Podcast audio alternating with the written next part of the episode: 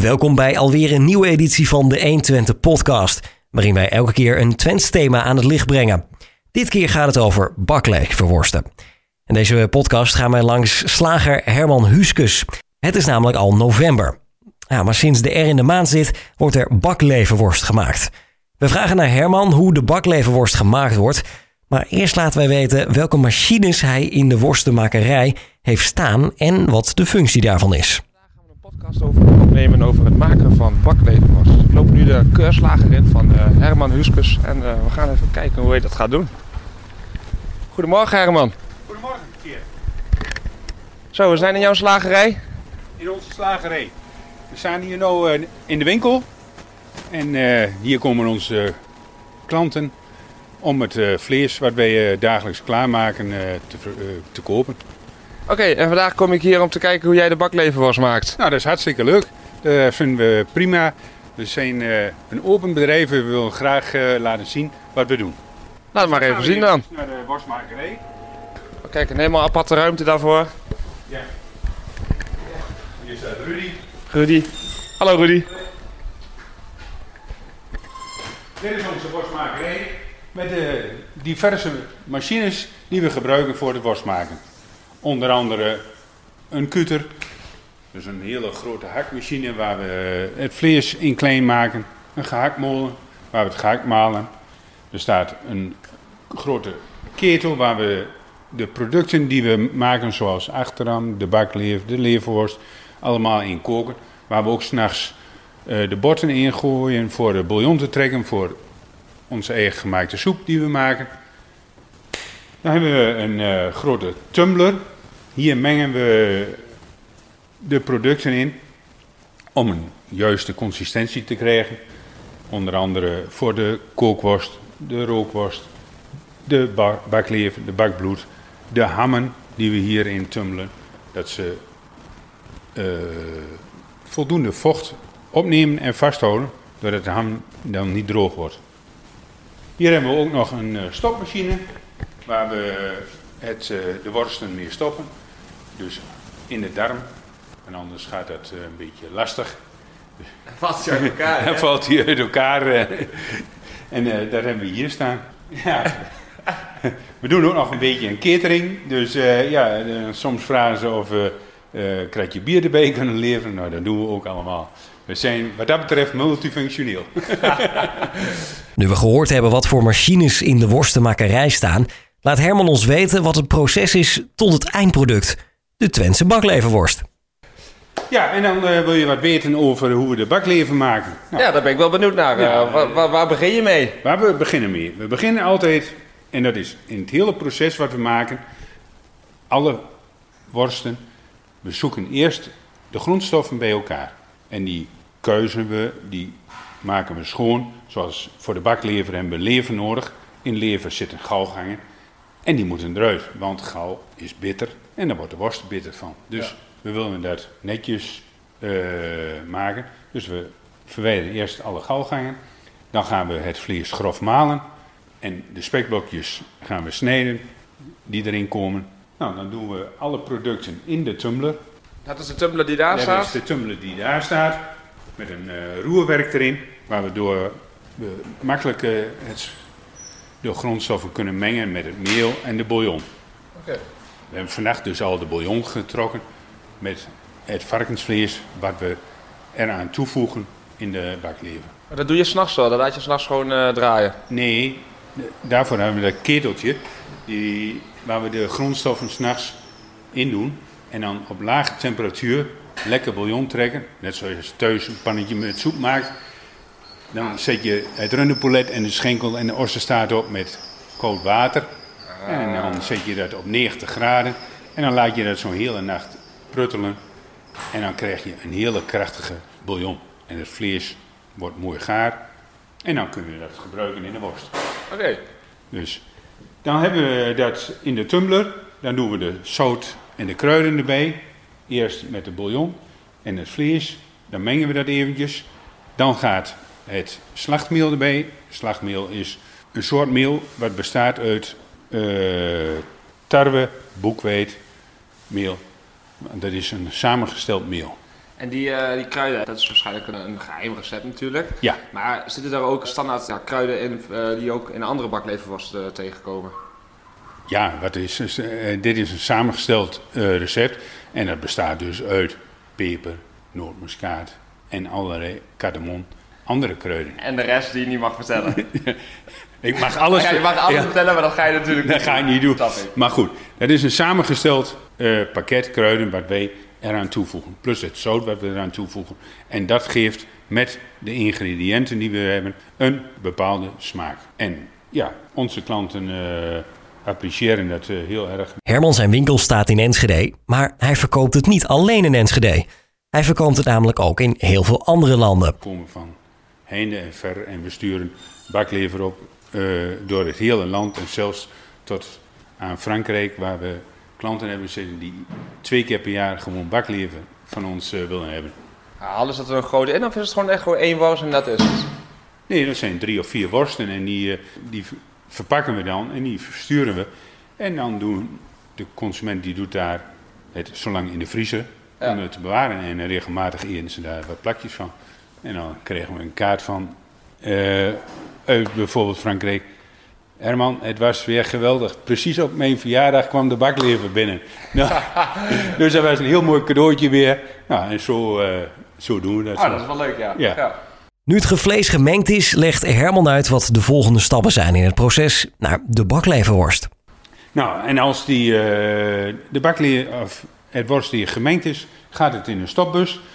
En dan stoppen we de worsten af in een, een potdichtdarm, doen we dat tegenwoordig. Vroeger was dat een eh perkamentdarm, maar dan bleef de worst niet zo lang goed. Het gaat gauw eerder smetten, omdat een perkamentdarm is doorlaatbaar. En dan kun je de worst niet zo goed bewaren. Ah, oké. Of je moet hem gaan roken, maar roken met baklever is geen Dat is optie. Dat is een optie, nee. Dus da- daarom, waarom roken we dingen zoals rookworst, kookworst, voor de smaak, maar ook voor de houdbaarheid. Dat die eh, bewerkt is, de anders, eh, anders ja, bederft hij. Ja, dus is die langer houdbaar doordat Ja, het dus gekookt is. Ja, gerookt is.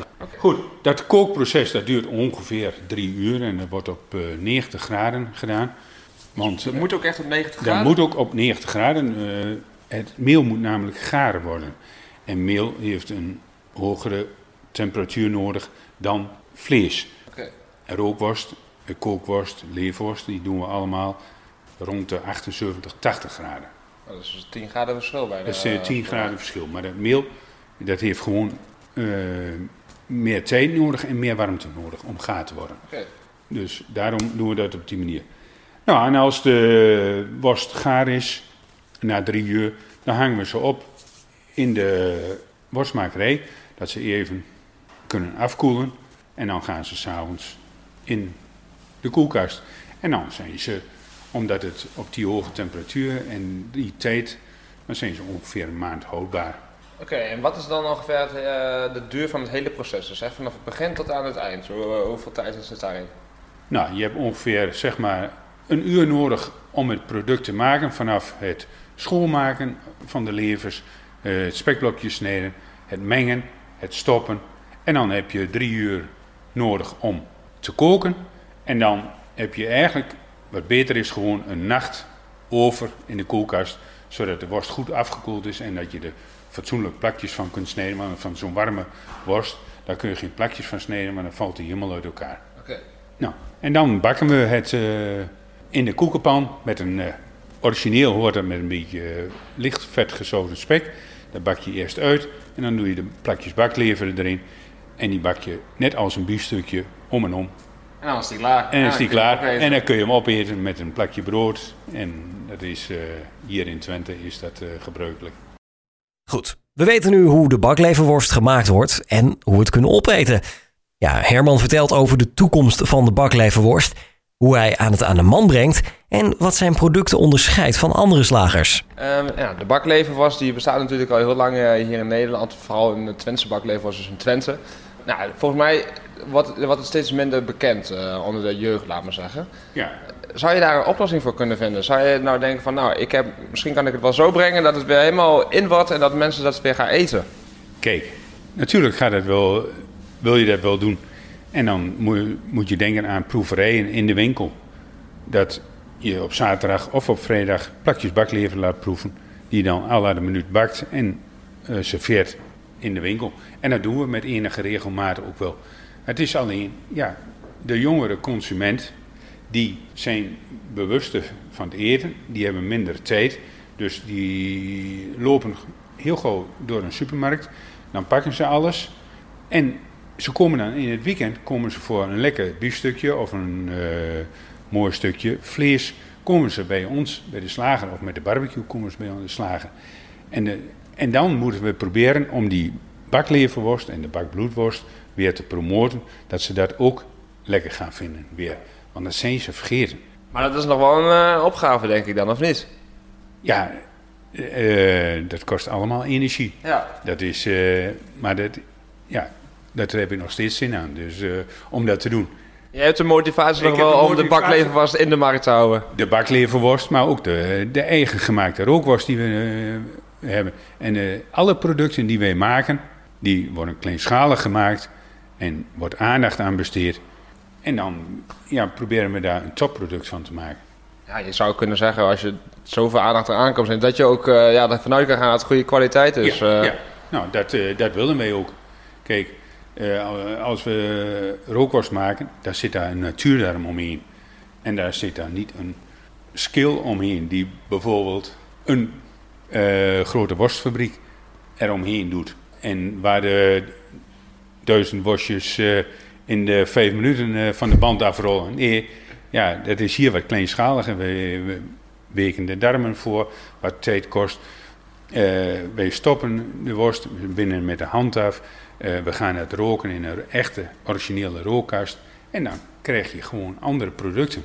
En, en dat moet je ook proeven. En dat proef je ook. En dat is alles laten proeven in de winkel. Dat is wel ons doel. Zodat we de consument kunnen interesseren in onze producten. En ook laten proeven van, oh, dit is toch wel heel wat anders dan een rookworst uit de, uit de supermarkt. Ja. Ja, zoals de baklever was, als je dat niet hebt gehad, um, is niet vanzelfsprekend dat je het even gaat proeven. Want het ziet er niet, sommige mensen denken, oeh, het ziet er een beetje grijzig uit. Uh. Ja, dat klopt. Ja, maar als je dat bakt, dan is dat een mooi, mooi plakje. En dan is die wel, de lever is rood en de, ja, dan is het ziet er wel aantrekkelijk uit. Maar als je grotere blokjes spek hebt, dan, dan griezelen mensen daarvan soms. Dat ja. is hetzelfde met een stukje vet aan het vlees, dat geeft smaak. En een mager stukje, dat geeft geen smaak. Ja, of weinig smaak. Of ja. weinig smaak, ja. ja. Ja, en dan blijft natuurlijk ook een bijzondere vraag. Wat onderscheidt de bakleverworst van Herman? Gebruikt hij een speciaal soort varken? Dat is uh, de samenstelling. De kruiden die wij gebruiken, het zout wat we gebruiken, uh, het meel wat we gebruiken. En het vlees, zo bijvoorbeeld varkens, hè? Hebben jullie gebruiken andere soort varkens bijvoorbeeld als andere slagerijen? Of uh, ja, hoe zit dat dan? Wij gebruiken uh, onder andere lievaarvarkensvlees. Dat is een, een drie sterren varkensvlees. Dus die, het zijn nog varkentjes die buiten lopen, die scharrelen. En daardoor krijg je meer smaak en die groeien ook langzamer dan de varkens die in de megastallen zijn, waar we bijna niks meer van hebben. Het zijn dus niet van die opgevakte varkens die uh, in een hokje zitten en die uh, een hele bak met voer krijgen. Nee. En zo van eenmaal op, zodat je dik ja. wordt en dan slachten we jou. Uh. Ja. Nee, wij proberen zoveel mogelijk van het lievervarkensvlees te gebruiken. Dat is, komt drie keer in de week bij ons binnen. En daar maken we onze producten van. En dan proef je, omdat die varkens een beter leven hebben gehad, dan proef je ook de smaak van het vlees. Minder gal? nee, nee, gal zit in de hele varken. Maar het is niet alleen de lever, maar ook het rest van het vlees wat meer smaak heeft. Ja, want als je de varken hebt, gebruik je natuurlijk de lever voor de leverworst. En de rest dat gebruik je natuurlijk ook voor andere ja, dingen. Ja. Dit, uh, dit is een beetje het verhaal van de baklever en van onze slagerij. Dat het gewoon wat kleinschaliger en daardoor uh, meer aandacht aan de producten wordt besteed.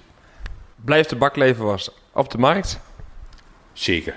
Ja? Ja. Over tien jaar kan ik hem nog steeds halen? Kun je hem nog steeds halen. Geen probleem. Zo, even spek in de pan. Zeker, dat hoort erbij bij de bakleven. Dat is wat extra smaak, toch? Extra smaak. In eigen vet bakken, dat is het lekkerste natuurlijk. Dit is ook vet van de, van de lever, of eh, waar is het vet- van? Dit is vet van het lieversvarken. Oké. Ah ja, dus dat wordt... eh En rugspek. ah ja. Hier snijden we dan de blokjes van. Voor in de bak gekleven wordt. In de bak niet wordt. Maar we hebben het ook aan het stuk en dan eh, bakken we dat eerst even een beetje uit. Je ziet wel, dat bakt heel erg mooi. Ja, dat gaat ook snel. eh, Dat gaat ook snel. zeker. Kijk, ik ruik het ook al. eh.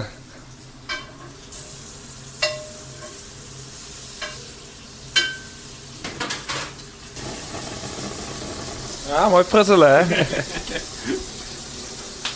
Ja, dan moeten we wel een beetje vuur onder zetten, maar anders wordt het niet wat. En dan zat je over een half uur nog te wachten op de baklever was. Ja, ja, ja. eh. Dat kan niet natuurlijk niet. Maar eh, hoe vaak maak je nou bakleverwas in de week? Of is dat dan niet eens wekelijks dat je dat maakt? eh? Nee, dat hoeft nou niet meer eh, wekelijks. Omdat we dat in een kortlicht dan doen. Ja, dus je maakt gewoon één, eh, één voorraad eigenlijk. Één grote voorraad en dan eh, meestal één keer in de 14 dagen, één keer in de drie weken. Ligt er ook een beetje aan hoe de temperatuur is. Kijk, zoals vandaag, waar het regenachtig en koud is, dan hebben de mensen trek in een lekker plakje bakleven. Dus dan, gaat het ook sneller. Ja, en dan is de verkoop meer. Dus jij ook gewoon op winter. Ik heb de traditie wel van als er R in de maand is, dan moet de bakleven er zijn. Of we dan nog niet direct veel van verkopen, Dat maakt niet uit. dat vind ik niet zo erg. Maar als het R is, in de maand is, dan moeten we bakleven. Traditiegetrouw. Ja, een bevlogen en bijzonder verhaal van Herman Huskus hoorde je over de baklevenworst. En daarmee zijn we ook aan het eind gekomen van deze 120 podcast. Volgende keer zijn we gewoon weer terug. En deze samenstelling werd gedaan door Tjeerd Wessels. En mijn naam is Ernesto Blijmerg. Tot de volgende keer.